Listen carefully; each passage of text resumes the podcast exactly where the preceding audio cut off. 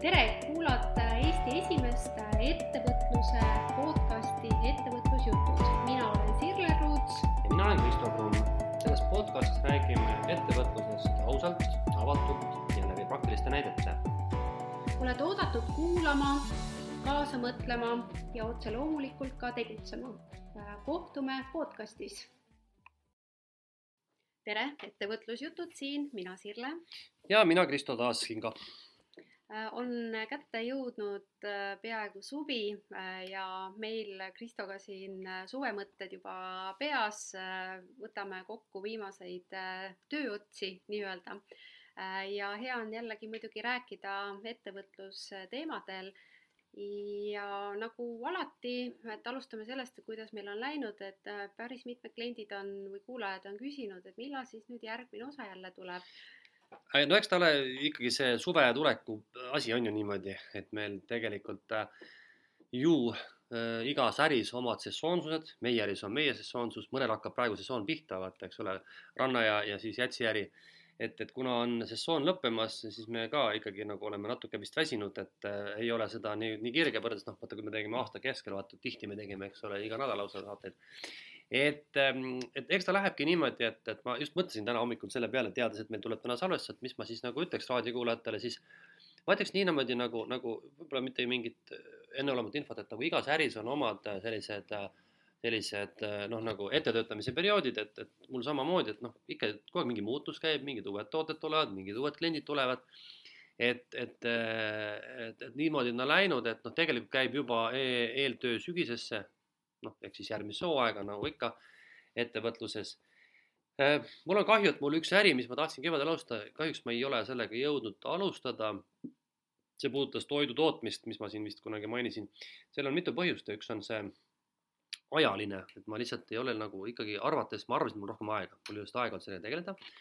ja, ja ma ei, nagu ei leidnud seda õiget nagu feeling ut, et seda, seda äri alustada aga seal on veel teine teema on ka, et, et see puudutab nagu sellist sisulist poolt, et mul on selle nii-öelda äri sisulises asjas seal mõningad sellised lahtised otsad, et, et, et, et ongi nagu kaks asja, et mul on, mul on täpselt niimoodi, et ühesõnaga, et mul on nagu sõnum on see, et mul on pikalt olnud, et pikalt ei ole, ütleme siis eelmisest sügisest on plaanis olnud avada uus äri, toiduäri, toitlustus nii-öelda teenusäri. aga ma ei ole seda äri nagu maha matnud, aga ma olen edasi lükanud oma selle idee mm. -hmm. et see sinu lugu on hea tõestus selleks, et kui hakata mingi uue äriga pihta või siis oma äri muutma, siis tegelikult peaks olema aega selleks. ja peab olema aega ja ma olen kaalutlenud ka riske, nagu me oleme siin rääkinud ja mõningad riskid on sellised, ma ei osa, ei osanud neid maandada mm.. ja mõningad sellised küsimused on lahendamata. noh, ma toon näiteks näite, toidu tootmisega tekib jäägid, toidujäägid mm. ja mul tekib väga palju seda. ja ma ei ole praegu lahendanud ära, kuidas ma neid jääke utiliseerin niimoodi, et see oleks liiga kallis näite, eks ole mm. -hmm. ehk et tegelikult on, ongi, mis on hästi huvitav asi, et äris on see, et et ma ei oska täna kalkuleerida näiteks üldse toote omahinda, kuna ma ei tea kõiki kulusid ja ma ei tea kõiki kulusid sellepärast, et ma ei tea kogu protsessi sisse, aga ma ei tea ka protsessi sellepärast, et ma ei ole nendega süvenenud tegelenud. mul on pool äriprotsessidest on väga selgelt kaardistatud, ma tean, aga, aga mul tekkis ootamatult äh, siuksed paar niisugust, just ma ütlen nagu nagu sellist protseduurilist või tehnilist küsimust, kuidas lahendada näiteks jääkide küsimus, kuidas lahendada tooraine küsimus. ja ma ei ole need, need paar küsimust ära lahendanud ja seetõttu ma nagu saaksin täna alustada oma äriga küll, aga väga katse-eksituse meetodil. ja aega tõesti peab olema, et ma olen täitsa seda meelt, et, et kui sa vaatad näiteks alustavad ettevõtjad, keda me näeme sinuga ju sadu ja sadu, siis nendel on see asi, et neil on tihtipeale aega, vaata aga noh, mhm. teades meid üksteisega, siis täiesti uue asja ettevõtmiseks, no ma arvan, et ma ei valeta, kui ma ütlen, et sul ei ole aega täiesti uue asja ettevõtmises, on ju niimoodi?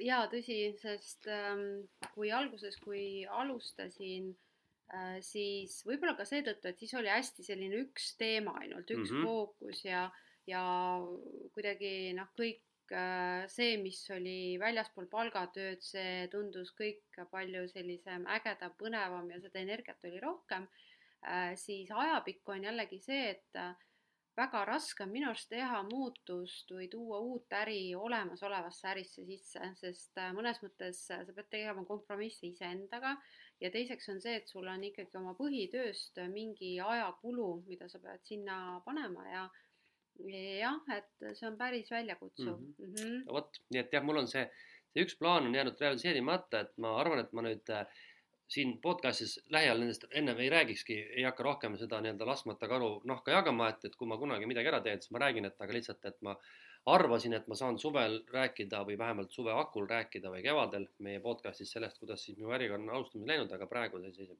mm.. kuidas sind äh, majanduslangus on mõjutanud? No minuga on niimoodi, vaata, et äh, mul on mõningad äh, krediidi nii-öelda kohustused, aga need on nii tillukesed, et intressi kasv on väga marginaalne. mul on, noh, on tekkinud kulude kasv loomulikult jah, iga, igapäevaste kulude kasv, ütleme, ma võtan nagu isiklikus elus. äris ja ettevõtluses olen ma teinud hoopis teist toredasti, ma olen ise hinda tõstnud. nii et ma, ma tegelikult ütlen sulle tervikuna niimoodi, et asjad on küll kallimaks läinud, aga ma olen saanud kõiki neid kompenseerida paratamatult, tõstes hinda mm. -hmm. Mm -hmm. Mm, jaa, sest ähm, noh, min-, jah. Sorry, aga kui nõudlust rääkida, siis nõudlus ei ole vähenenud muuseas, jah mm. -hmm, et koolitusi ostetakse. jah, ostes küll, jah mm. -hmm kas see on see aeg, kus äh, öeldakse, et head kriisi ei tasu ära raisata, et inimesed või ettevõtted võtavadki aega, et tegelikult äh, natuke ette valmistada uueks äh, tõusuks äkki või? no minu puhul võiks öelda niimoodi, et mängib palju rolli veel ikkagi vana koroona ajast pärit see, see suletus mm.. et ma ütleks, et osaliselt on ta selle taga ikkagi kinni. küll aga mm, ma arvan, et, et kas ta nüüd on kriisist tingituna, aga pigem ikkagi see koroonaaeg on tekitanud selle muutuste tuule hmm.. aga ei tea, vaata, ma polnud küsinud kah ettevõtjatelt, et kui te nüüd näiteks koolitate, toimubki mingi tõesti noh, ütleme, et soovitakse midagi seal tõsisemalt nagu muuta või, või, või või just nimelt äh, oma töötajate mingeid äh, oskusi uuele tasemele tõsta, et, et kas see on tingitud sellest või teisest, et ega te alati pole küsinud ka, jah mm. -hmm. jaa. aga kuidas sinuga lood on? no minuga on niimoodi, et äh, mina võtan tegelikult praegu äh, suht rahulikult äh,, ehk siis äh, mul on küll mõtteid äh, ja, ja noh, natuke olen ka liikunud selle suunas, et mingite uute projektidega oma valdkonna raames siis tegeleda ja pigem on see, et ma tahan nagu võtta rohkem fookust, et ma olen kogu aeg olnud hästi laialivalguv või võib-olla või noh, koolitanud mõnes mõttes kõike. et ma, et ma tahan võtta rohkem fookust ja ma olen näinud, et kui ma olen seda fookust mõnes mõttes seadnud, et siis tekivad ka mingid võimalused. aga see läheb noh, sisse tänasesse podcasti teemasse, milleks me oleme valinud psühholoogilised väljakutsed ettevõtluses just läbi enda kogemuse. et minul, minul on ikkagi sellest eelmise aasta läbipõlemise kogemusest on tõenäoliselt sellised järelmõjud veel kroonilise stressiga toimetulekuks, et et seega ma olen selline hästi hüplev, et ühel päeval on energia laes ja järgmisel päeval on niimoodi, et äh, ma istun sisuliselt oma töötoas arvuti taga ja vaatan sisuliselt tund aega lihtsalt aknast välja ja ma ei suuda mitte midagi teha. Äh, ehk siis see on ikkagi sellise edu ja eelnevatel aastatel mu ettevõtte käive kogu aeg mingi viiekümne protsendi ulatuses tõusis ja ma tegin täiesti uskumatuid äh, tippe enda jaoks et siis, äh, siis tegelikkuses selle hind on ikkagi äh, see, äh, see nüüd paigalseis mõnes mõttes, aga ei, ma siin toimetan ja, ja valmistan ka sügiseks, sügisel mu koormus ülikoolides natuke tõuseb ja, ja võib-olla maandan rohkem siis neid ka majanduslikke riske sellega, et et, äh, et siis saada sellise püsi, püsirahavooga ülikoolidest mm. -hmm. nojah, ma seda ju tean, et, et mina tean, kuulajad ei tea, et meil mm -hmm. tegelikult on äh, ju siin noh, selles mõttes nagu, kuidas öelda siis muutus, et, et, mina tulin ühest kohast ära, aga sina tulid minu asemele. jaa, äh, et see, see on, meil on hea näide, et tehke konkurendiga koostööd, et Kristo lõpetas äh, Äh, siis äh, oma töö Tallinna Ülikoolis ja soovitas äh, mind ja seega mina võtan siis tema laupäevased ülikooli hõngulised, ma ei tea, pärastlõunad või hommikupoolikud üle, on ju. Mhm. no tore, kuidas sinu majanduslangusega on, kas see on sind mõjutanud? mind on jaa mõjutanud, kui ma võtan nagu isiklikus plaanis, siis äh, noh, muidugi on kodulaenumakse suurenenud, aga üldiselt, kuna mul on hästi selline tugev äh, eelarvestus oma isiklikus elus, et siis, et siis tegelikult ma ei ole nagu tundnud sellist väga halba mõju, et, et ma tean täpselt, kuhu mul mis asi läheb. aga kui ma räägin ettevõtte sissetulekust, siis, siis minul ikkagi see üks ärisuund, mis on raamatud Äh, seal on ikkagi tunda ja ma noh, olen ka rääkinud raamatupoodidega, kes siis on öelnud, et tegelikult on müügid vähenenud. kas see... üldse laiemalt on siis? jah, jah mm, -hmm. ikkagi laiemalt jah. Äh, et seega, seega selles osas on see muutunud, aga teades ju ise ettevõtluse ja turunduse, sügisest ka turunduse õppejõuna seda, et et noh, sellises majanduslanguses tegelikult tulebki äh, teha Äh, rohkem turundust, teadlikumalt turundust ja mõelda sellele kliendi väärtusele ja milline see kliendi väärtuse tõstmine on läbi selle noh, toote ja teenuse, et et seega ma pigem näen selles äh, madalseisus või tagasilanguses pigem võimalust. Äh, ja, ja seega vaatame, et eks siis suvi ja sügis näitab mm. -hmm, mm -hmm. okei okay aga lähme siis äh, tänase teema juurde. täna siis me räägime psühholoogilistest väljakutsetest äh, ettevõtluses ja just läbi enda kogemuse. Äh, sest ka eelnevatele podcast'i osadele, kus kohas me oleme just sisse toonud enda kogemuse, nad on saanud hästi positiivset tagasisidet. et seega siis on mõte ka täna rääkida Äh, väga sellisest äh, inimlikkusest äh, või inimlikust poolest, kuidas siis meie mõlemad ettevõtjana tuleme toime selliste võib-olla raskemate hetkedega, just psühholoogiliste väljakutsetega. ja, ja, ja seega mm, võtame siit otsa lahti. no sina oled, sina oled ikka jälle see nii-öelda ettevalmistaja, siis, siis jah, kuulame sind ja, ja et Kristo alati siis saab ennem seda, ühel korral vist oli niimoodi, ma ütlesin, et ei, ma ei ole, et siis olid täitsa šokis. jah, aga muidugi saadetakse mulle materjalid ette, ma tutvun nendega, seekord sa ei saatnud mulle ette. ja seekord ei saatnud jah, aga noh, kui võtta niimoodi iseendast, et mida ma olen siin öelnud, et noh, kui üldse võtta niisugune, võib-olla alustame sellest, et et ettevõtlus on üldse nii äh, praktiliselt kui psühholoogiliselt inimese elus väga suur muutus, on ju. oled sa nõus sellega?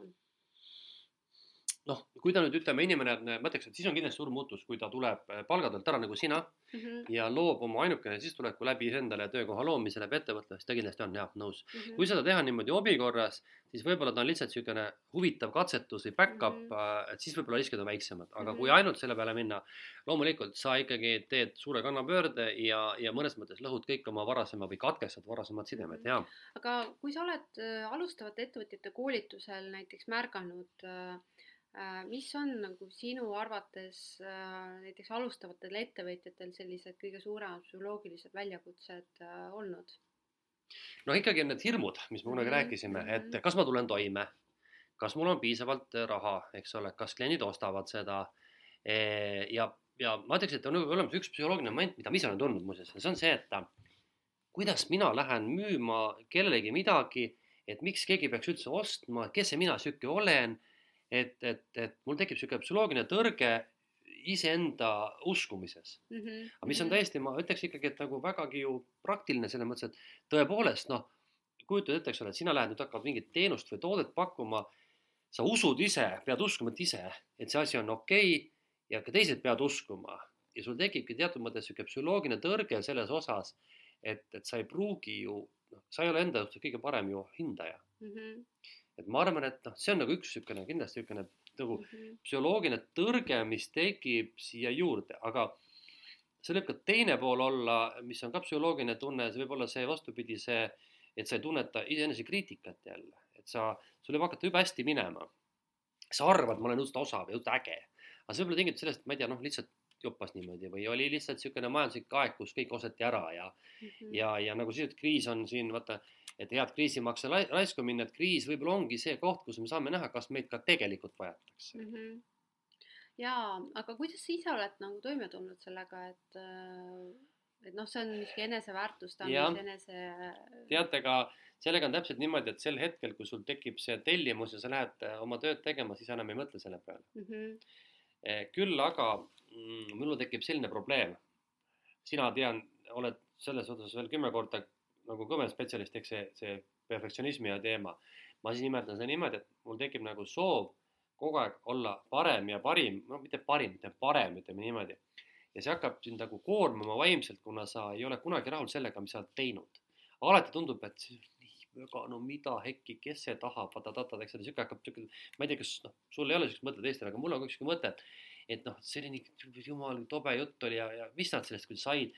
Ka nagu kaotan usu enesesse, sest ma olen nii kohutavalt enesekriitiline ja siis nagu kogu aeg nagu piitsud ennast tagant, et sa tahad veel paremaks ja paremaks ja mitte kunagi sa ei ole tegelikult rahul sellega, mis sa tegid. ehk et kui näiteks minu käest küsida, et milline oli minu selle aasta kõige parem koolitus, kus ma tundsin, et no nüüd läks kõik täppi ja, ja või, või küsid niimoodi, et näiteks saja palli või saja protsendi skaala, et, et milline oli sinu parima koolituse nii-öelda siis tulemus, siis, siis kui ma jätan kõik tagasiside kõrvale, ainult iseennast hindeks, siis ma kurat üle kaheksakümne viie punkti oleks vist ühe koolituse eest mm.. no see on päris karm tegelikult, äh, et see pärsib tegelikult ju sinu sellist potentsiaali. eduelamust nagu, pärsib ka ja, ja, sa hakkad ka kahtlema mm -hmm. endas mm. -hmm. et mul on olnud küll selliseid kunagi, kunagi on olnud saja protsendi koolitusi ka, kunagi varem aga nüüd ma kohati, noh, ma, ma olen, ma olen, ma arvan, ma olen enda suhtes liiga karm, aga see ongi niisugune psühholoogiline tõrge just selles mõttes, et ma, ma kogu aeg kardan seda, et ma, et, et, et see, mis ma annan, et see ei ole väärtuslik, et, et inimesed tulevad,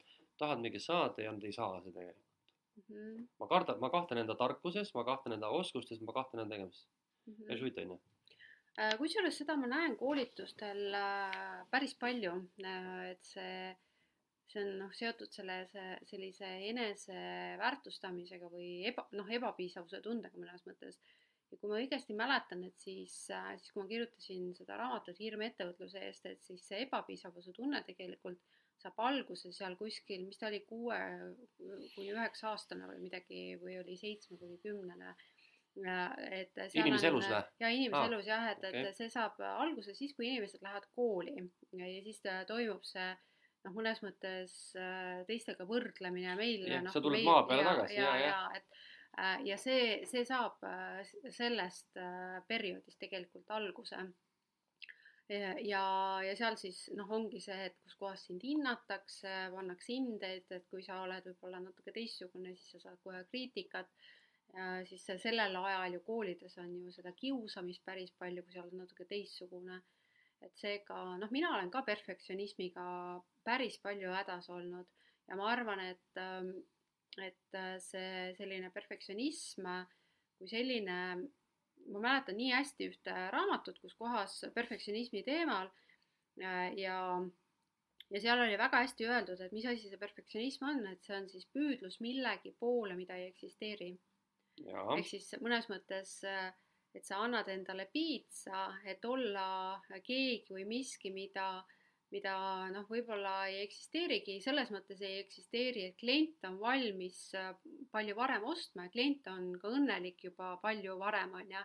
aga, aga meil on noh, ettekujutus kuidagi sellest, noh, mina näiteks perfektsionismi tõttu ju loobusin äriplaanide kirjutamisest osaliselt, et seal oli küll ka ajaline pool, et, äh, et nad olid hästi ajamahukad, aga ma kaotasin täieliku selles mõttes motivatsiooni kui esiteks mul ei olnud aega, et teha neid täiuslikult ja teiseks, kui ma nägin noh, hiljem siis äh, monitoorides oma kliente, et ma tegin, noh, pühendusin üks-kaks nädalat, et kirjutades äri, äriplaani ja siis näiteks see ettevõtja läks lihtsalt palgatööle, et noh, jättis selle sahtlisse. Ja mul oli enda ajast äh, ja sellest panusest ja, ja sellest noh, et, et ma nii väga uskusin sellest, ma ei suutnud nagu noh, hoida nagu seda piiri mm, -hmm. et see mhm. on nagu tema äri. Äh, ja ma tõesti, ma olen noh, ma arvan, et sellisest perfektsionismist tingituna äh, ma olen tegelikult mingeid ärivõimalusi ikkagi äh, noh, jätnud lõpuni kasutamata hmm muuseas, aga mul tuli praegu teine mõte ka, et selle siukse enese piitsutamisega ja võib-olla mitte uskumisega on ka seotud mingi minu, minu jaoks positiivne pool, mis seisneb selles, et aga et kui sa nagu oled jube enesekindel, siis vastupidi, võid kaotada nagu selle soovi teha asju paremini ja olla mm. kogu aeg nagu kliendile orienteeritud, et sa muutud laisaks näiteks, et, et ma usun nagu sellesse, et, et see nii-öelda ettevõtja peabki olema kogu aeg tundma, et eh, seda ebakindlust natukene, mina ütleks niimoodi, sellepärast mm. vastasel juhul muutub ta mugavaks ja kaotab selle kvaliteedi ära. Ja seega peab lihtsalt olema mingi, okei okay,, ma olen nõus, et, et kui sa teed oma kümme tuhat tundi täis, sul tekib mingi standard, millest allapoole kukkuda on noh, ütleme, et keerukas või mm, -hmm. või, või ütleme, et sa ei, sa ei kuku tõenäoliselt aga kui sul on palju neid kümne tuhande tunni tegijaid, eks ole, vaata, et, et mhm. valikut on juba palju ja konkurents on piisavalt tihe, siis ikkagi on see küsimus, et noh, et, et klient valib selle, kes pakub paremat ja kui sa jääd enda nii-öelda rahule end sellega, mis sa oled, siis, siis samamoodi sa nagu kaotad nagu ärina, ettevõtjana, ükskõik mis valdkonnas, sa kaotad selle nii-öelda selle, selle turu või selle eelise. nii et ütleme, et see, et kui sa oled pidevalt natukene ebakindel või siis ütleme niimoodi, et sa oled, sa, sa tahad saada kogu aeg paremaks, sa oled enda suhtes kriitiline, siis on see põhiasi, mis meid edasi viib, see on see võrdlemine, sa võrdled praegu mm. iseendaga kasvõi, sa ei võrdlegi teisega, sa võrdled iseendaga ja sa ei ole endaga rahul, sa piitsud ennast rohkem, mis tegelikult tähendab ka seda, et sa ikkagi pingutad ja pakud kliendile parimat mm. -hmm. no ma, ma selles raamatus Hirm ettevõtluse ees kirjutasin ka perfektsionismist, et see on tegelikult ebaõnnestumise hirmu üks, üks siis alaliike Äh, ja, ja seal siis ongi tegelikult toodud, et on äh, positiivne perfektsionism ja negatiivne. positiivne ongi see, et sa püüad nagu teha kvaliteetset asja. Ja see on edasiviiv, et äh, see mõnes mõttes ettevõtlus peabki olema, et sa ju ettevõtjana püüad teha teistmoodi, sa püüad kliendi vajadusi rohkem siis arvata, ületada, et ta maksaks siis rohkem kas sulle või siis ta eelistaks sind, on ju, see on positiivne perfektsionism. Äh, püüdlus siis ähm, teha teistmoodi ja teha äh, kvaliteetset, on ju. aga siis on negatiivne perfektsionism äh, ja see on takistav jõud, et seal on siis see, et seal on niisugune ene-, enesega kahtlemine, kas ma olen piisav või ei ole piisav, siis seal on selline teatav võib-olla isegi neurootilisus, et kus kohas sa muudkui pabistad, on ju Äh, siis äh, tekib seal selline ebaõnnestumise või kontrolli vajadus, äh, see on ka negatiivse perfektsionismi hästi tugev pool, noh, lihtsalt enesekriiti-, kriitikale, aga kontrolli vajadus ongi see, et ma näiteks, et ma ei alustagi sellepärast, et mul puudub ülevaade selles ettevõtluses kõigist sammudest, kõigist etappidest, et ma nagu seda protsessi mõnes mõttes ei usalda ja seal on, ongi see, et ma kardan siis ebaõnnestuda, on ju. Mhm, äh, et see jah, negatiivse perfektsionismi üks äh, osa on see kontrolli vajadus. Äh, aga noh, lõpuni ju ettevõtluses kõike ei saa kontrollida. et me peame siis lubama siis sellel kulgeda niimoodi, kuidas ta keskkonnas siis kulgeb, on ju. Mhm. Mhm. siis noh, jah, et, et kui me räägime psühholoogilistest väljakutsetest, siis, siis ma arvan, et äh, see perfektsionism, kui ma vaatan ka oma kliente, mul on äh, tegelikult nõustamisele või koolitusele sageli ikkagi jõudnud, äh, et seda perfektsionismi on ikkagi väga palju. seda on väga palju ja ma nõus mm, -hmm. pigem ütleme isegi rohkem kui neid siukseid lohakaid tüüpe. ja, või siis hirmu või, või ja. hirmu, noh, kui me võtame niimoodi eraldi perfektsionism äh, Äh, ja hirm eraldi, noh, perfektsionism ise nagu sisaldab hirmu, on ju, aga, aga jah, et, et, äh, et inimesed rohkem teadvustavad perfektsionismi kui seda, et nad tunnevad hirmu mm. -hmm. ma arvan. jah mm -hmm.. aga okay. mis sa veel oled kogenud äh,? noh, ma arvan jah, et see nii-öelda psühholoogiline tegur on pigem, pigem seotud ikkagi sõna hirmu, ebakindluse, sellise asjaga et noh, ma mõtlen positiivset mõtet, et siis, siis ma arvan, et, et, et mis on nagu psühholoogiline nii-öelda posit-, psühholoogiliste tegurite positiivne pool on see vaimne rahulolu iseendaga rohkem suurem, et, et miks ma, mis ma arvan, et mis on nagu panna tasakaalu ettevõtlus laiemalt, et, et, et oma miinuste ja plussidega, siis see ilmselt on ka psühholoogiline aspekt, kus kohas inimene on rahul iseendaga, sellega, et ta nüüd rohkem väärtustab ennast, oma aega, teeb seda, mis ta tahab teha. et, et, et ta loob endale sellise psühholoogiliselt nagu positiivse fooni. et, et töö ei hakka teda vaimselt koormama, eks ole, et me teame, et, et noh, tööl on olemas läbipõlemise mõisted, siin on olemas niisugune nagu engagement ehk kaasatuse mõisted.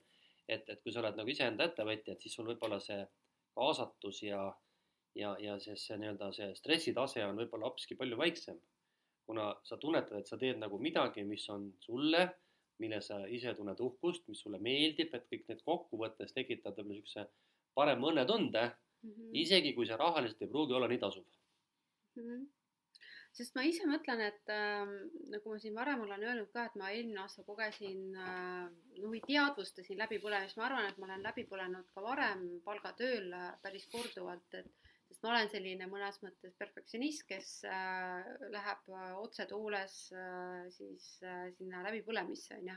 sest ma ei tunneta nagu seda piiri, et ma tahan anda maksimumi äh, ja alati ma olen võtnud äh, kõigis ettevõttes, kus ma olen töötanud, ma olen hästi kiiresti võtnud väga palju vastutust äh, samas väga halvasti delegeerin ja nii edasi, on ju. aga ettevõtjana siis ähm, noh, vähemalt ma teadvustasin nagu seda läbipõlemist siis eelmisel aastal, kui lihtsalt äh, oligi see, et äh, et noh, ei suutnud midagi teha, on ju, olidki pikali voodis ja ja noh, oli perioode, kus kohas ma ei saanud lihtsalt noh, tõesti tunde ülesse, sest ma olin noh, lihtsalt niivõrd kurnatud. aga noh, tänaseks hetkeks ma olen äh, sellest taastunud ja, ja mingi töörütm on äh, nüüd ka olemas, aga mida ma olen näinud ja mis, mida peegeldas mulle üks äh, hea sõbranna tagasi, ütles, et Sirle, sa oled nii kurnatud, on ju, et me tükk aega ei olnud näinud. ja siis ta ütles, et tead, et sa oled nii kurnatud, siis ma hakkasin mõtlema, et tõenäoliselt, mis on noh, sellise läbipõlemise üks, üks siis eelnev tunnus on see krooniline stress Äh, mis on, mis on tegelikult noh, mis on selle sümptomid, on väsimus, äh, siis, äh, siis hästi see võib-olla võõrandumine ülejäänud elust, on ju, noh, mõnes mõttes väikeettevõtjana sa oledki üksinda seal mm -hmm, kontoris, on ju, ja, ja see rõõmu puudumine mõnes mõttes ja tüdimus ja, ja noh, kui, kui ma olen vaadanud ennast, et siis äh, Äh, siis tegelikult seda kroonilist stressi, noh, mitte iga päev ei ole, aga kui tuleb selline võib-olla vähem, noh, väiksemgi tagasilöök, äh, siis, äh, siis tegelikult see, see kohe aktiveerub, on ju. ja noh, kui ma siin uurisin selle kohta, et jah, et kuidas siis kroonilise stressiga toime tulla, siis üks hästi huvitav soovitus, mis seal oli olid ähm, realistlikud eesmärgid ja oma aja planeerimine, et sa pead mõnes mõttes mitte jääma sellesse stressi kinni, sa pead noh, teha, tegema nagu pause ja olema füüsiliselt aktiivselt, toituma hästi, noh, tervislikult ja aga noh, üks asi oli see, et, et, et säilitada nagu sellised mingid rutiinsed tegevused, on ju, ja, ja mina nagu, nagu näiteks siis, mis noh, näiteks see, et seadki päevaks, et sul on üks asi, mida sa pead ära tegema kindlasti, et saada mõnes mõttes seda heaolutunnet, on ju. Ja mina siis tegingi niimoodi, et ähm,, äh, et ma siis seadsin mingid eesmärgid ja ma püüdsin äh, iga päev midagi ära teha, on ju. ja, ja mis siis äh,, mida siis kindlasti tuleks vältida, on ebarealistlikud eesmärgid ja siis ma vaatasin, see oli hästi huvitav eneseanalüüs äh, kus kohas ma vaatasin, et miks ma siis ka sellesse läbipõlemisse äh, nagu läksin et ma mõnes mõttes kogu aeg äh, oma neid piire kompasin ja ma kogu aeg olen natuke ebarealistlikke eesmärke seadnud, on ju. noh, mõnes mõttes öeldaksegi ju, et ettevõtjana sa natukene peadki noh, kogu aeg nagu seda maksimumi püüdma, on ju. aga, aga tänasel hetkel, kui ma siis seda lugesin, siis ma võtsin ette oma selle eesmärgid, mida ma siin just ka sõnastasin. Äh, ja, ja tegelikult ähm, noh leppisin endaga kokku, et noh, et, et tegelikult tänasel hetkel ei ole need nagu nii suurelt ambitsioonikalt nagu olulised, et olulised, oluline on pigem noh, tulla sellest seisundist nagu välja, on ju. Mhm. aga noh, jah, et, et see iga päev midagi, midagi ära teha, on ju. Äh, et mis, äh, mis noh, hoiab sind tegevuses, toob heaolutunnet. ja mina ütlen seda, et et noh, tegelikult peaks tegema siis rohkem selliseid turunduse tegevusi, turunduse müügitegevusi, sest need toovad ka niisugust ärilist tulemust, on ju. ma tooks ühe psühholoogilise momendi veel, ma nimetan seda teatud mõttes nagu leppimiseks mm. -hmm. mitte iseendaga, vaid pigem olukorraga, et ähm, see on tegelikult üks oluline faktor, mida ma olen mõelnud, et, et mis on mikroettevõtjate eripära, see on see, et vaata eh, väga paljud mikroettevõtja ärisid on juba eos, noh, me oleme sellest nii palju rääkinud sinuga siin ka ja, ja teame hästi, et on, on üles ehitatud selle, selle tegevusele, kus on üks inimene, üks omanik, üks tegelane eks ole. ehk et me müüme oma aega ja kätteosavust, piltlikult öeldes, oled sa juuksur või oled sa koolitaja, tegelikult väga vahet ei ole. sa müüd kindlat tundide arvu, sul ei ole võimalik müüa ennast korraga kolme kohta. see tähendab seda, et äh, sinu ärilise piiri paneb ette võimsus ja noh, natukene hind ka. Noh, on võimalik alati müüa rohkem või kallimalt, aga mingil hetkel tuleb piir ette. see tähendab nüüd seda, et, et mikroärides minu jaoks on olemas kindla ärimudeli puhul mingid kindlad maksimumlagi, kuhu sa võid jälle jõuda, kuhu sa edasi enam ei liigu, sellepärast et see konkreetne ärimudel ei võimalda rohkem raha teenida. mis tähendab ka seda, et sa pead leppima sellega, mis, mis, kus kohas sa oled. et sa ei saa võtta endale juuksurina või, või, või ma ei tea, kellel iganes ebareaalset eesmärki olla näiteks rahaliselt sama kõrgel kui ütleme mingi teise valdkonna esindaja, mis on noh, mis ongi nagu väärtuslikum või kallim või, või, või ma ei tea, mis iganes, eks ole. et loomulikult on äärmiselt võimalik, et ma tunnen ka, ka juuksurid, kes on ülikuulsad, üliedukad. aga need on ka üksikud alati, see on see, see ülim tipp, keda on väga vähe. keskmine mis tahes valdkonna esindaja saab reaalselt ikkagi noh, ma ütleks niimoodi, et et kui ma võtaks, ähm, arvutaks välja realistlikult oma maksimumtulu täna, siis ma arvan, et ma saan selle noh, siin viie või kümne minutiga välja arvutada, kui palju ma võiksin üldse täna seda äri tehes, mis ma teen, neid koolitusi tehes, mis ma teen, üksinda tehes, palju võiks raha kokku, kokku kedrata. see tähendab, et kui mul on eesmärk olnud näiteks, äh, ma ei tea, ümbermaailmareis või isiklik lennuk, siis ma pean, noh, okei okay,, ümbermaailmareisi ma võin lubada aga lennukit ma endale lubada ei saa, eks ole, see on mhm. nagu leppimine, vaata, eks ole. mis omakorda tähendab seda, et, et see on nagu ka psühholoogiline tegur, et et sina ütlesid, nimetasid seda, sa praegu ütlesid, et sa võtad ambitsiooni alla, eks ole, see on umbes sama asi, aga, aga see on see, et, et sa tead, et sul on võimalik noh, edasi liikuda, areneda, kasvada, aga mõnedel äridel ei ole seda määratud teha, kasvu mm. lihtsalt enam ei ole no sa pead nagu ärimudelit siis muutma. jah, aga sa ei ole valmis seda tegema, sa ei oska seda teha või sa ei taha seda teha, et eks ole. Mhm. ja see on see, et on ebareaalne loota ühtegi asja muutmata nüüd oluliselt kõrgemat hüpet mm. -hmm. mina ütleks niimoodi, et see on, see on seisund, kus sa ütled, et ütleme niimoodi, et mulle meeldib see, mis ma teen. ma võtan praegu enda söö käest mm. -hmm. mulle täna meeldib see, mis ma teen. ma adun oma piire, mõnes mõttes võimekuse piire saavutuslikke piire ja rahalisi piire. ma adun seda väga selgelt, ma tean, kus kassis ma olen. see tähendab, et ma tean, millist materiaalset heaolu ma saan endale lubada ja millisel tasandil mul ei ole mõtet unistada, eks ole. ma tean, et see on ebareaalne, see on, see on täiesti mõttetu unistada mingist levelist, kuhu tänase ärimudeliga, tänaste tegevustega, tänaste sissetulekutega ma kunagi ei küüni.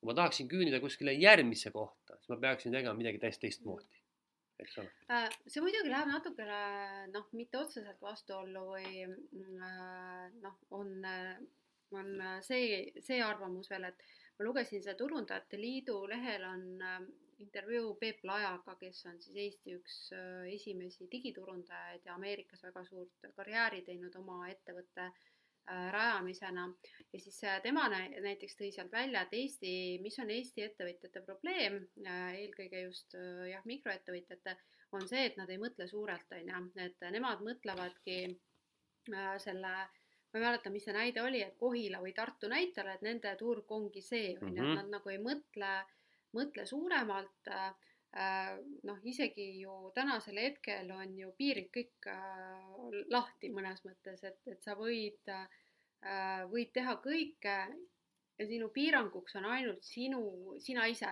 sinu loovus või loomingulises. no näiteks kasvõi see juuksur, okei okay,, jah, et, et see tähendaks nagu, ta ei saaks nagu täpselt sama juukselõikust võib-olla teha sama aeg, on ju, füüsiliselt Ameerikas, on ju aga, aga ta saab mõnes mõttes seda ärimudelit natuke muutes, noh näiteks kas sinna tuues mingit, mingit sisuturundust või, või, või teeb oma Youtube'i kanali, teeb seal midagi väga unikaalset või äh, et noh, et, et ta saab tegelikkuses äh, seda mõeldes suurelt tegelikult äh, noh, suuremate tuludeni. ma olen sinuga täiesti nõus ja ma arvan, et, et, et kõik, kes niimoodi ütlevad, eh, jah, mul ei ole neile mõtet hakata vastu vaidlema, et te olete rumalad ja tegelikult ei tea mitte midagi, ei. ma arvan, et neil on õigus, sest nad on seda kõike kogenud mm. -hmm. võtame mis tahes mhm. mingisuguse self-made man'i nii-öelda, kes võib-olla ka pealtnäha, noh, ma ei tea, ma tean ühte lugu mingist kohvi valmistajast, kes oli barista ja kes, kellest sai miljonär, sellepärast õpetab teistele, kuidas kohvi teha. Neid näiteid on olemas, nüüd miks näiteks enamus sinna ei jõua, küsime niipidi hoopiski, et, et, et, et, et mille see taga on, et, et üks väidab, et see on sinus endas kinni, okei okay,, nõus. nüüd ma võtame, võtame sinuga, meie sinuga siin praegu, me siin nüüd istume ikka siinsamas TalTechi majas.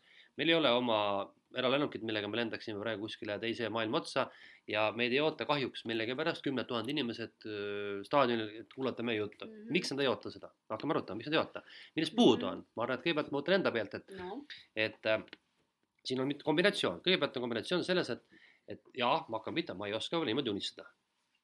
eks ole. teiseks, et, et isegi kui ma oskan nii unistada, ma ei tea, mida peaks tegema selleks, ma ei ole seda mõelnud, eks ole. kolmandaks on see, et, et mul ilmselgelt on puudu mingid ressursid, mitte ainult raha, võib-olla ka oskused. võib-olla äh, teadmised, kindlasti on mul puudu julgusest, kohe kindlasti on puudu julgusest äh,. ja, ja ma toon mängu siia selle kasulikkuse teooria ikkagi, mis tähendab seda, et äh, iga inimene äh, saaks rohkem pingutades tegelikult jõuda suuremale rikkusele. küsimus on, kas ta seda tahab mm. -hmm. ehk et kui teatud hetkel, ma ütleks sellelesamale ettevõtjale, nagu sinu näites see, see äh, turundaja ütles, et äh, aga miks sa oled siin Vändras või siin Kohilas, mine näiteks maailma vallutama, siis ütleb see inimene vastu, et aga see tähendab ju minu jaoks suuremat riski mm. -hmm. ja muidugi tähendab aga vaata, minu kasulikkus sellel piiril, mis ma täna teenin, on juba täis. kui ma riskin rohkem ja saan rikkamaks, siis minu kasulikkus ei suurene, sest ma ei taha rohkem, saad aru mm. -hmm. mul ei ole vaja suuremat autot, mul ei ole vaja suuremat maja, mul pole vaja rohkem tuntust. mulle meeldib, et ma tulen, ma ei tea, võib-olla kell kaks juba töölt ära, mul on väga vähe muresid, mul on väga vähe vastutust, mul on väga vähe riske. jah, ma olen siin Kohilas, aga mul on oma kodu, oma väike aiakene, oma jalgratas ja mulle sellest piisab, ka niimoodi võib inimene öelda ehk et ka see võib olla üks põhjusi, et äh, ma täna mõtlen, et, et mida tähendab minna Ameerikasse vallutama, see tähendab võib-olla neli-viis aastat hullu tööd. see tähendab väga suuri riske, väga suurt pingutust. ma ei tea täpselt, kas see õnnestub, eks ole ju. ja, ja okei okay,, saan veitsa rikkamaks, saan osta suurema auto, aga võib-olla tuleb see millegi nii suure arvelt, et see ei vääri seda, saad aru. et noh, nagu püüan vabandada praegu natukese, eks ole aga ma mõtlen täpselt samamoodi, miks ma ei ole seal ja noh, ma vastan ise ausalt, et ma arvan, et ma ei ole seal. esiteks sellepärast, et, et mul ei ole olnud ilmselt ka väga selget sihti, kuhu ma tahan jõuda. aga tead, ma ütlen sulle päris ausalt, et ma arvan, ma ei olegi valmis riskima. tegelikult kah. ma olen selles vanuses, kus ma hindan turvalist elu palju rohkem kui seda, et ma lähen valutama uusi tippe, teadmata, mis mind ees ootab mm. -hmm. ma arvan, et see on üks põhjusi ehk siis see on ikkagi, see takistus ei ole mitte niivõrd nagu tehniline, on ju, vaid ta on ikkagi psühholoogiline. ja ikka, ikka ja ikkagi ta on psühholoogiline, aga ma adun mm, -hmm. et ma olen iseendale seadnud barjääri, see barjäär on minu enda käega pandud mm. -hmm. mida ma täna teen, muuseas, ma tean täpselt, ma lükkan seda barjääri väga väikese aeg eemale.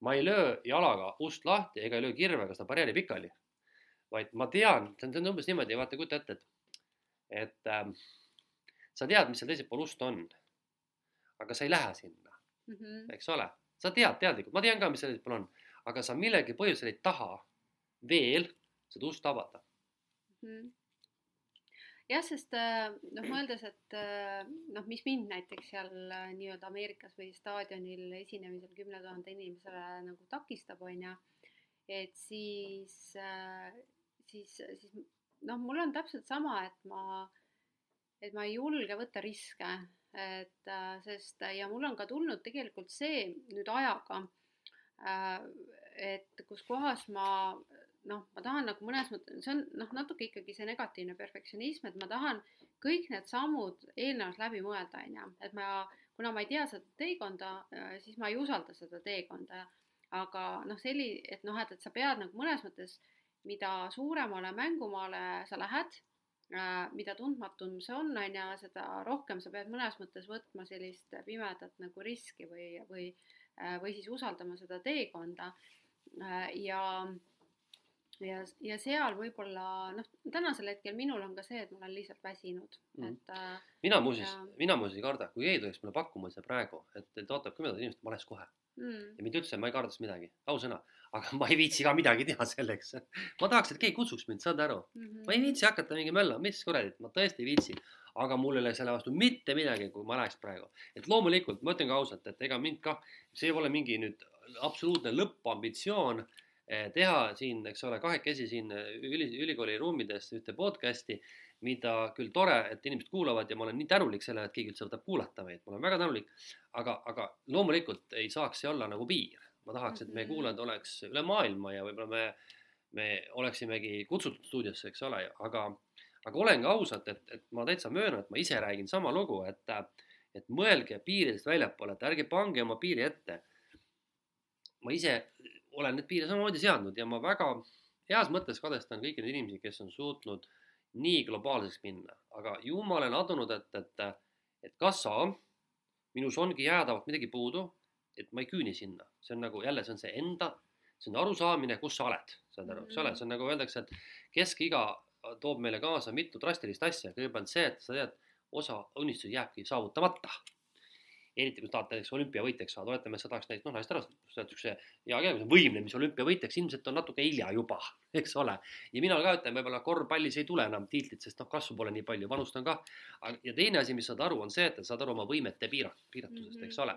et see tuleb nagu kaasa ja võib-olla on see minu vanuses juba tekkinud see tunne, et ma saan aru liiga hästi oma võimete piiridest ja ma liiga palju neid kogu aeg nagu tõstan esile. noorena on sul nagu rind on, eks ole, karvane ja, ja haavleid täis ja lased edasi, eks ole, aga vaata nüüd nagu vanusega tekib ja, ja loomulikult, eks ma, ma, ma arvangi, et, et see on niisugune psühholoogiline piirang, mille olete ise endale seadnud ja, ja seda on kurb tõdeda muuseas. seda on väga kurb tõdeda, sellepärast et äh, seal ei ole ju kedagi süüdistada. Mõnes mõttes, et kui võtta nagu sellise, mis mind on hästi inspireerinud, mis on täna juba mitmendat korda ka eelnevalt mul klientidega mentorluses tulnud teemaks, on see äh, Carol Pearsoni kangelase teekond on ju, ja kangelase teekonnast lähtuvalt siis on see äh, see mõnes mõttes orvu arhetüüp on see, see aktsepteerimine seda oma äh, nagu seda olukorda ja sa hakkad seda isegi iseennast Jah. haletsema nii palju. jah, jah, et, Mhm. et see, aga noh, seal on see, et kas sa siis hakkad nagu iseennast haletsema ja leidma süüdlasi kuskil mujalt või siis sa aktsepteeridki, et jah, et, et et okei okay,, et, et noh, ongi selline ja siis mõnes mõttes sead nagu sellise eesmärgi, et okei okay,, et aga noh, kui palju ma seda tahan, on ju, kas ma seda tahan äh, ja, ja noh, kas ma olen valmis nagu selle nimel midagi tegema.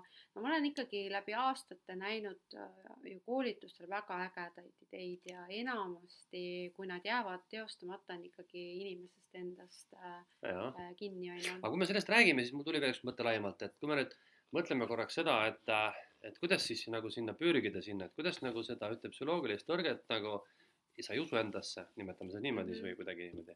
et kuidas neid piire lõhkuda, mis on, nagu me räägime, psühholoogiline seisund, vaimne seisund, vaimne nendega pidu, siis äh, ettevõtjana me võiksime mõelda niimoodi, ettevõtjana, et me seame endale eesmärgi, eesmärk on sky is the limit, vahet pole, eks ole, kõrge tahad jõuda ja me teeme kõik selleks, et sinna jõuda. nüüd küsime sellelt, et aga miks me seda teeme. näiteks küsime sinu käest, enda käest, võtame enda äris, seesama hea näide, kümme tuhat inimest staadionil kuulmas. mis see meile annaks, miks me teeme seda? kas oskad no tuletada mõelda? see miks äh, küsimusele vastus, see on tegelikult äh, väga nagu tõsine teema, sellepärast et äh, ausalt öeldes ma, ma alati ei suuda leida vastust sellele miks küsimusele ja seal siis, kui seda miks küsimusele vastust ei tule, siis tegelikult ei tule ka seda motivatsiooni ja tahet sinna taha, on ju. noh, ma mõtlen, miks me võiks tahta, Mhm. noh, oleme kümme korda kuulsamad, Mhm. äge, nõus. Mhm. tuleb rohkem pappi, tuleb rohkem pappi, eks ole. jube vinge on olla kuulus inimene, eks ole, noh, tegelikult on, eks ole, eriti veel, kui see on niisugune positiivne kuulus, eks ole. nüüd järelikult, kui me praegu nim- nimetasime kõik need mõtted, siis järelikult nende mõtete puhul, et me oleme kuulsamad, me saame rohkem pappi, me oleme tuntumad, meid kutsutakse sellepärast, me oleme kuulsad.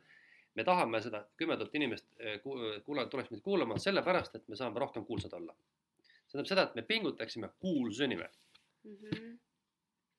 Kuidas kõlab, noh, mõnikord noh, ei kõla nii hästi, eks ole, kui tahaks. no kui rääkida motivatsiooniteooriatest, siis tegelikkuses kuulsus ei ole piisav motivaator, et tegutseda. no ta kuskil seal keskel seal tul enam-vähem tulema noh, et sa pead nagu ära enda jaoks defineerima, et okei okay,, et jah, et inimesed tavaliselt mõte, mõtestavad nagu läbi nende selliste väliste asjade, et okei okay,, et noh, et kui ma, kui minu eesmärk on kuulsaks saada, et siis mida see mulle annab, on ju, Mhm. mis äh, noh, mida, kuidas ma ennast tunnen, on ju, mis minu elus toimub äh, ja kui ma saan ühenduse selle tundega, et siis äh, see loob seda sisemist motivatsiooni no praegusel juhul mina saan niimoodi öelda, et, et, et see on puhtalt nagu brändinduse ehk persooni brändi ehk brändi kuulsuse teema, et mida kuulsam bränd, seda rohkem ise müüb. Mm. -hmm. et praegu see näide on see, et miks meil, mis meile selle annaks, see annaks seda, et me oleme lihtsalt kuulsamad isikubrändid ja me teenime selle pealt raha lihtsalt niisama, eks ole, me hakkame, ma ei tea, paneme mingid riided selga, me ei maksa sellest raha, eks ole, esimene reklaamides, võtame nii. nüüd on teise poole, võtame selle motivatsiooni eneseteostus, et, et oletame, et meil on teine asi, et meil on mingi sõnum, mida me nii kirglikult tahame jagada kõikide maailma inimestega ma arvan, et igal koolitajal natukene on see sees siiski, et tal on mingi kirg, ta tahab jagada oma teadmist teiste inimestega. nüüd mina mõtlen niimoodi, et okei okay., aga võtame nüüd sellesama näite peale, et, et, et kuidas nagu sealt Kohilast siis välja jõuda, eks ole, ärgu nüüd Kohila inimesed solvugu, et noh, mina äh, olen elanud ka jumala pommiaugus ja, ja on veel hullemaid pommiaukusid kindlasti olemas Eestis, et noh, lihtsalt see Kohila või Rapla on näide, eks ole. et mina mõtlen niipidi, mis on palju nagu kasulikum mõelda ja mis ei tekita sellisest nagu ülikõrgeid ootusi, see on niimoodi kui mina ja ma, kusjuures ma mõtlen selle peale, viimased, ma arvan, neli-viis aastat ma tegutsen selle nimel, see on niimoodi. mina teen oma äri ikka edasi, ma teen oma koolitusi või müün saiakesi või, või, või ma ei tea, mis ma veel teen, olen näiteks raamatupidaja, ükskõik mis teenust ma osutan. ma teen seda nii hästi, et ja teen sellepärast, et, et minu mõte on, et see, kes minu teenused tellib, et tema saaks selle tulemuse nii hea, kui ma suudan talle seda anda, eks ole. noh, see kõlab juba nagu maisemalt, oled nõus mm? -hmm. nii, nüüd edasi, mis nüüd edasi juhtub? Edasi, võtame sinu raamatu näiteks, et sinu raamat on lihtsalt, sa tahad raamatut anda sellepärast, et sa tahad, et inimesed saaks ka midagi teada, see kõnetab sind, sul on nagu mitte rahanumbrid ei jookse silme ees, vaid sul jookseb see heaolu, nii. nüüd, kui sa teed seda, inimesed loevad, kurat, ongi hea raamat, ongi kihvt maitsev saiakene või kurat, hea raamatupidamisteenus. tuleb järgmine tellib, järgmine tellib. nüüd hakkab tekkima orgaaniline kasv sellepärast, et sa mitte ei taga kuulsust, vaid sa tahad tead midagi pakkuda -hmm. ja nüüd see, see ideaalne tulemus on see, et sa oled seal kümne tuhande inimesest sellepärast, et sinu sõnum kõnetab kedagi, nii paljud inimesed tahavad tulla sinu sõnumit kuulama. ja sa oled jõudnud sinna selle tõttu, et sa oled astunud samm-sammult niimoodi, sest vaata, kui praegu tuleks see kümme tuhat inimest, ma väidan, et me mõlemad satuksime kuulsusohvriks, me oleksime ilged staarid, me oleks kuradi esine-, Eesti kuradi ma vänd esines kuskil, ma ei tea, mis iganes staadionil kuulas, no mitte kümme, vaid sada tuhat inimest, eks ole. megakuulsus on ju, aga tegelikult me ei ole valmis selleks me peame sinna liikuma samm-sammu haaval.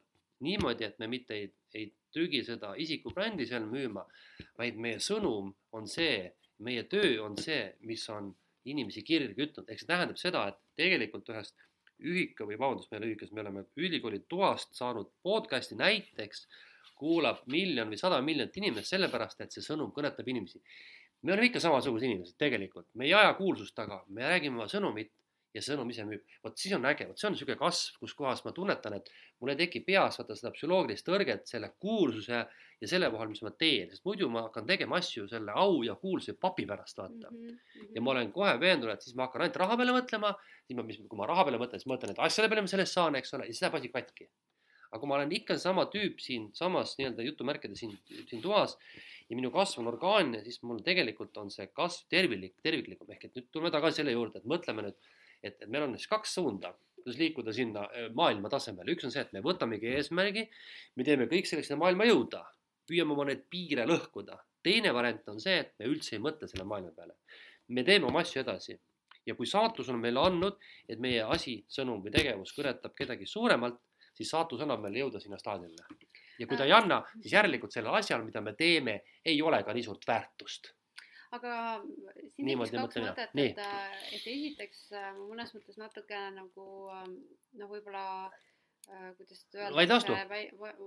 väidan vastupidist, et juhul, kui me ei sea seda eesmärki sinna maailma staadiumile jõuda, et siis sageli me ei jõuagi, et, et see noh, öeldakse ikkagi, et see pikaajaline visioon või eesmärk peaks olema, et siis tegelikult noh, need tegevused, mida ma teen igapäevaselt, et siis mõnes mõttes sa hakkad lähtuma nagu sellest. aga ma tahtsin tuua mõne näite, no ma toon mhm. niisuguse kurva näite, äh, mis juhtus näiteks äh, ansambliga Nirvana, kes olid lihtsalt üks bänd, kus mingid tüübid lasid kitra lihtsalt mm -hmm. plönnida ja saatus tahtis, et nad saavad nii kuulsaks ja üks tüüp lihtsalt ei suutnud selle kuulsusele enam vastu pidada, eks ole mm. -hmm. ja ta ütles seal selgelt ära, et tema probleem on see, et ta ei taha olla kuulus mm. -hmm. või näiteks oli selline siin äh, mis selle tüübi nimi oli, Avicii nimeline DJ, kes põhimõtteliselt tappis ennast samamoodi ära, kuna ta lihtsalt, ta lihtsalt oli lihtsalt nii megastaar, et ta ei pidanud selle vastu mm. -hmm. ehk et, aga see on näide, et näiteks sama Nirvana või Avicii tegelikult said ülikuulsaks, jäädes ikka selleks lihtsaks tüübiks, et saab mhm. küll tegelikult kasvada ju ka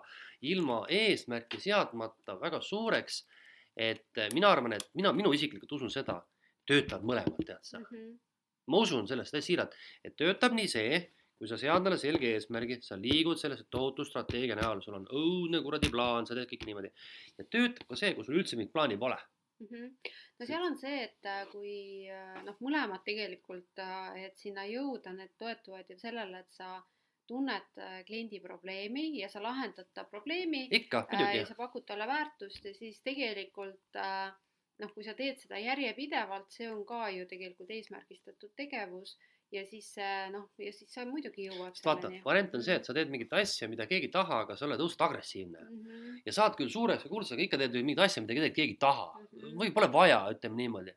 või teine asi, et sa teed mingi asja, mis on nagu, vot mul tuleb meelde jälle noh, nimetame siis brändi ka, on selline šokolaaditootja nagu Šokolala Eestis, kes teeb käsitööšokolaadi, ilgelt kallis muuseas, oled sa kunagi ostnud neid või mm? -hmm. Õudselt kallid, eks ole, aga mina olen aru saanud, nende äri oligi niimoodi, et nad hakkasid vaikselt pihta kirik šokolaadi vastu, nüüd nad on nagu tegelikult kõvad tegijad, tohutu käib, kasvasid orgaaniliselt ilma, et see oleks mingisugune mega eesmärk neil olnud, saad aru. vähemalt ma, ma olen kuskilt lugu niimoodi lugenud. Mm et, et ma ütleks niimoodi, mina usun sellesse, et töötavad mõlemad, töötavad nii see, kui sul on selge plaan ja sa liigud, kui töötab ka see, kui sul tegelikult plaani ei ole, aga sa usud ja teed kirglikult seda, mis sa tahad teha, just nimelt Mhm. kirglikult. Mm -hmm. ja, ja, ja, ja mõlemad ei pruugi ka töötada, Mhm. eks ole ei saa, saa, sa plaaniga kuulsaks ja suureks ei pruugi saada niisama kuulsaks. Mhm. mina muuseas lähtun sellest, et mina tunnetan minu vaimses, menta-, minu vaimse tervise huvides on kindlasti see variant parem, kus ma plaani ei sea Mm. Ma lihtsalt olengi kirglik, ma teen asju nii hästi, kui ma oskan. kui saatus annab mulle, et ma jõuan sinna staadionile, siis nii läheb, ongi kõik. ma, usun Mhm. sellesse ja tead, see on mulle psühholoogiliselt, ma räägin psühholoogilisest elust nagu, nagu kergem, sest mul ei ole midagi kaotada, vaata, ma ei põru. Mhm, mhm. jah, sest äh, ma arvan, et, äh, et kõik teed äh,, kui need toetuvad sellele, et, et on stressi vähem, on ju, aga samas viivad nagu sind mugavustsoonist välja, siis äh, ma arvan, et need kõik äh, toet-, noh, nagu toetavad seda. noh, üks teema, mis on sellega osalt nagu seotud, on see, et noh, näiteks kui me seamegi noh, eesmärgi või me liigume ja meil on hästi, me oleme hästi pühendunud siis mis mina olen kogenud, on ettevõtluses ka selline, kuna ettevõtlus on hästi koha, noh, sa pead nagu kogu aeg muutuma, on ju, siis äh, see lahtilaskmisoskus mõnes mõttes. oo oh jaa, see on oma teema ja et, Et et sa ka- ja, ja et sa oled valmis loobuma millestki, mis on sinu jaoks olnud sinu nagu ettevõtluse nurgakiviks mm -hmm. nüüd, see on Mhm. ja see on elus tervikuna, vaata, see on see, et Mhm. viskame vana jope minema, mõnikord ei taha visata, eks ole, mingi asi jääb nurgast ja, ja ettevõttes sama lugu, et kui palju sa oled valmis muutuma, saamaks aru, et need on lihtsalt asjad ju mm, -hmm. need on Mhm. ainult lihtsalt institutsioonid, see on raske Mhm. jah. ja see on hästi raske, et äh, seetõttu näiteks isiklikus elus ongi hea, noh, mina nüüd eel, eelmine, üle-eelmine aasta kolisin, kahe aasta jooksul olen kaks korda kolinud ja siis issand, kui hea on see igasugustest vanadest Asjadest loobumine. sellepärast et ja nüüd äh, oma uues äh, elukohas ka äh, siis alguses ma võtsin mingid asjad sinna kaasa, noh just riiete näol ja siis ma vaatasin, ma aasta jooksul nagu neid ei kandnud ja nüüd ma noh, pakkisin nad ära ja ma viin noh, annan nad ära. Aga jah, et, et see laski lah, lahti laskmine, mõnes mõttes ma pidin kaks korda nende suurte kottidega kolima mm, -hmm. et ja jah, ja ettevõtluses on mõnes mõttes ka äh, on äh, on minu arust äh, eriti raske on lahti lasta, kui sa oled midagi aastaid üles ehitanud, on ju, siis tuleb ikkagi, mõnes mõttes elu testib ka, tuleb ikkagi, no näiteks minul äriplaanide koostamine, mul tuli umbes peaaegu aasta tuli neid äh, päringuid mm. -hmm. ja kus kohas siis ühel hetkel ma täiesti äh, süümepiinadeta saatsin konkurendile, et äh,, et noh, et, et küsige sealt.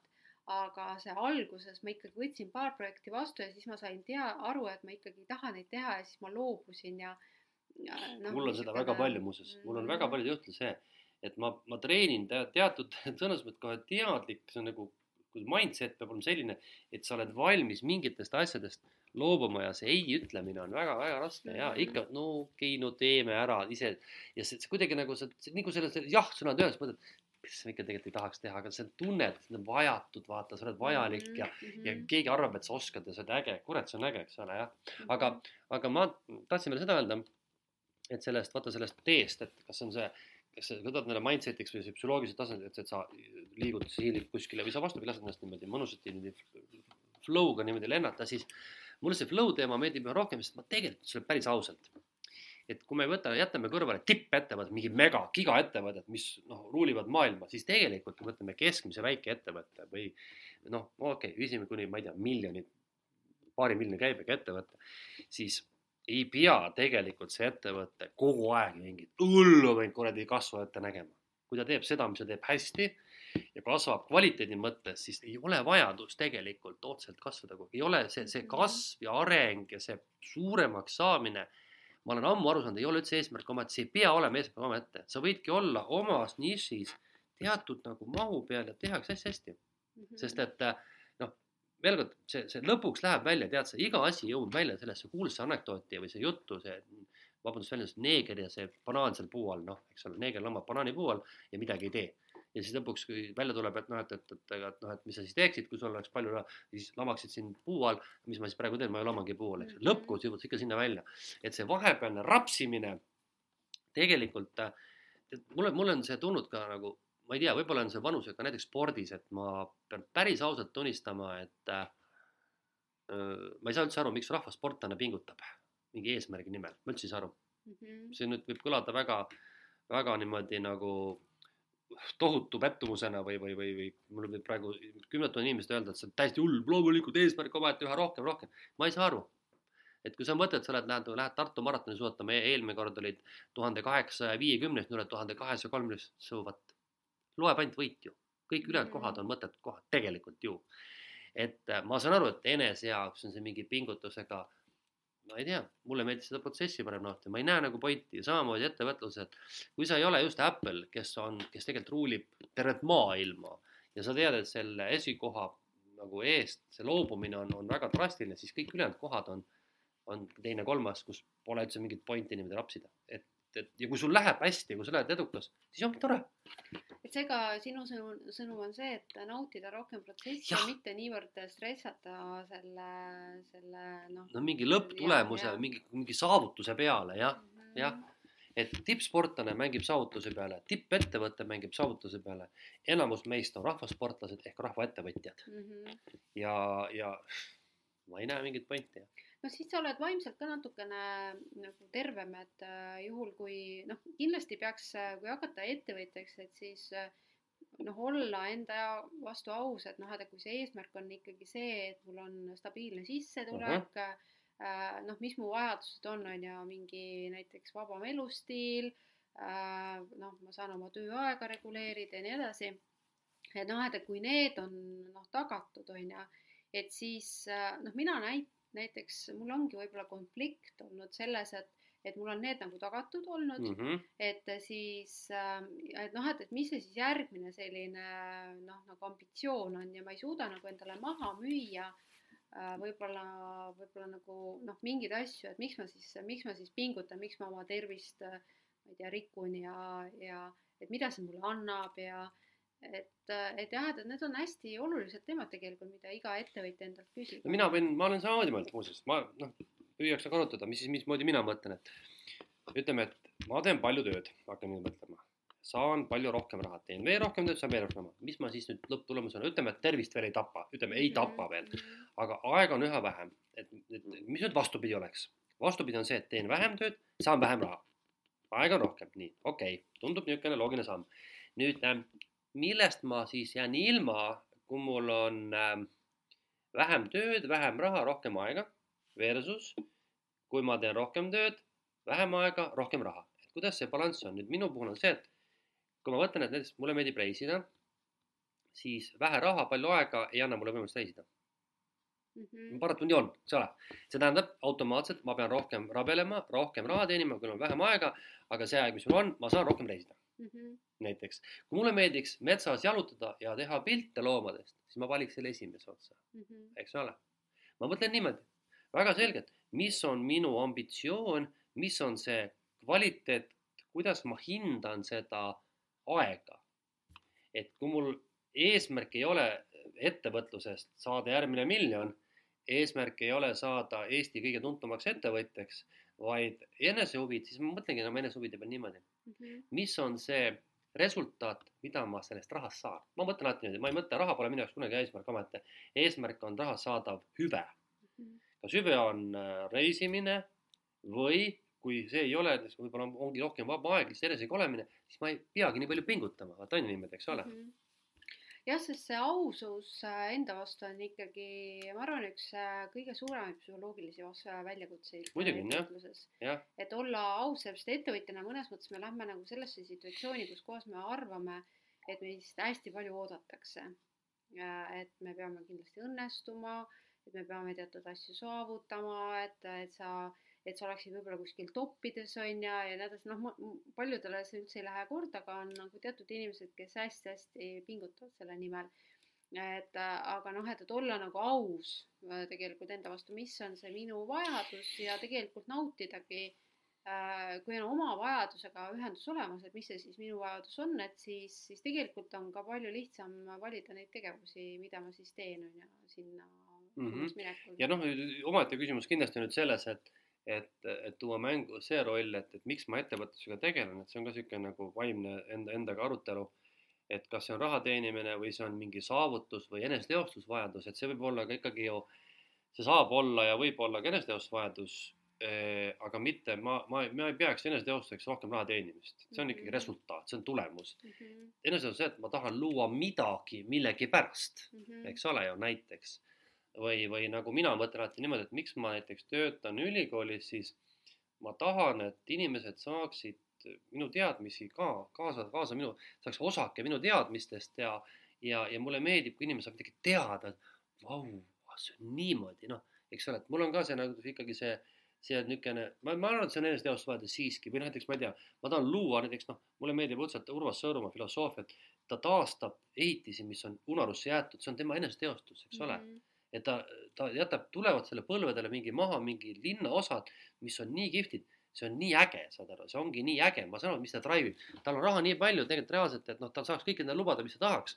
aga ta drive ib see, see teostus, saad aru, ta saab teostada midagi, milleks temal on võimalus, eks ole mm. -hmm. ja mina arvangi seda, et see eneseteostus peaks olema ka, kui me mõtleme, et, kuidas seda mõelda, siis peaks olema see, et mõtle niimoodi, mis sulle on antud. kui sulle on antud kuldsed käed ehita, kui sulle on antud anne laulda või, või, või, või komponeerida, kui sulle on antud anne, ma ei tea, veel midagi kolmandat teha, siis, siis see ongi see, mida sa peaks, milles sa peaks ennast teostama mm. -hmm. et, äh, et see, see on nagu oluline, see on see, et sa tunnetad, kes sa oled, sa mõistad enda, oskad ennast analüüsida, oma tugevusi, nõrkusi ja noh, mingiks vanuseks inimene ikka saab aru, mis tema võimekuse piirid ja mittepiirid on, eks ole aga siit me jõuame algusesse tagasi, äh, see teema, millest me alustasime, oli see eneseväärtustamine on ju, et tegelikult noh, eneseväärtustamine, ausus äh, ja siis tegelikult, äh, kui need on olemas või noh, neid on võimalik arendada läbi erinevate praktikate, et siis tegelikkuses peaks meil ettevõtjatena hästi minema. no ma loodan jah aga siis selle sõnumiga saamegi täna lõpetada, et jõudsime pika aruteluga selleni, et äh, ettevõtjana on olla siis enda vastu aus, läbi selle me oleme ühenduses oma vajadustega äh, ja läbi selle me väärtustame ja kui me väärtustame iseennast, siis me tegelikult saame ka luua kliendile mm -hmm. paremat väärtust, on ju, mis sa arvad? Ma, ütleme, ma usun sellesse, et nii võiks olla, jah. aga tulevikus võiksime siis teha jälle väljakutset, me siin otsustasime, et minu, minu pakkumisel, et me prooviksime järgmise koolituse teha distantsilt või järgmise seminari või, või podcast'i, et mina olen siis ühes väli, välismaa otsas, sina teises ja proovime, kuidas siis välja tuleb ja ja, ja, ja kuna ma rääkisin, et ma lähen koolitama ennast meetoditest, siis me saame sellest ka kunagi rääkida mm. -hmm. vaatame, kas on nii palju, et tervet saadet, aga võib-olla midagi piki-pikka mm -hmm. sisse, kuidas elu näeb välja siis ühes Euroopa riigis mm. -hmm. aga tore, et meid kuulasid ja ole aus äh, enda vastu äh, nii ettevõtjana kui mitteettevõtjana ja otse loomulikult naudi seda, mida teed. ja ilusat suve ka tulevast, just.